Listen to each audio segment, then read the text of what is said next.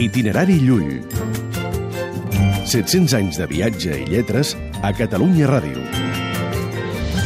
El valor de les coses.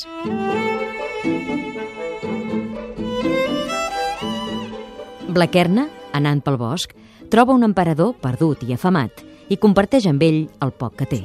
Mentre l'emperador menjava, Blaquerna li va demanar què li era més profitós, o el pa que menjava o el seu imperi. L'emperador digué que en aquell lloc li era més profitós i li valia més el pa que menjava que el seu imperi. Blaquerna li va respondre que pobre és de valor un imperi que no és tan profitós al seu senyor com el pa que menjava.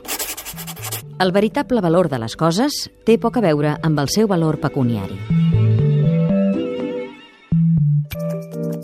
Itinerari Llull.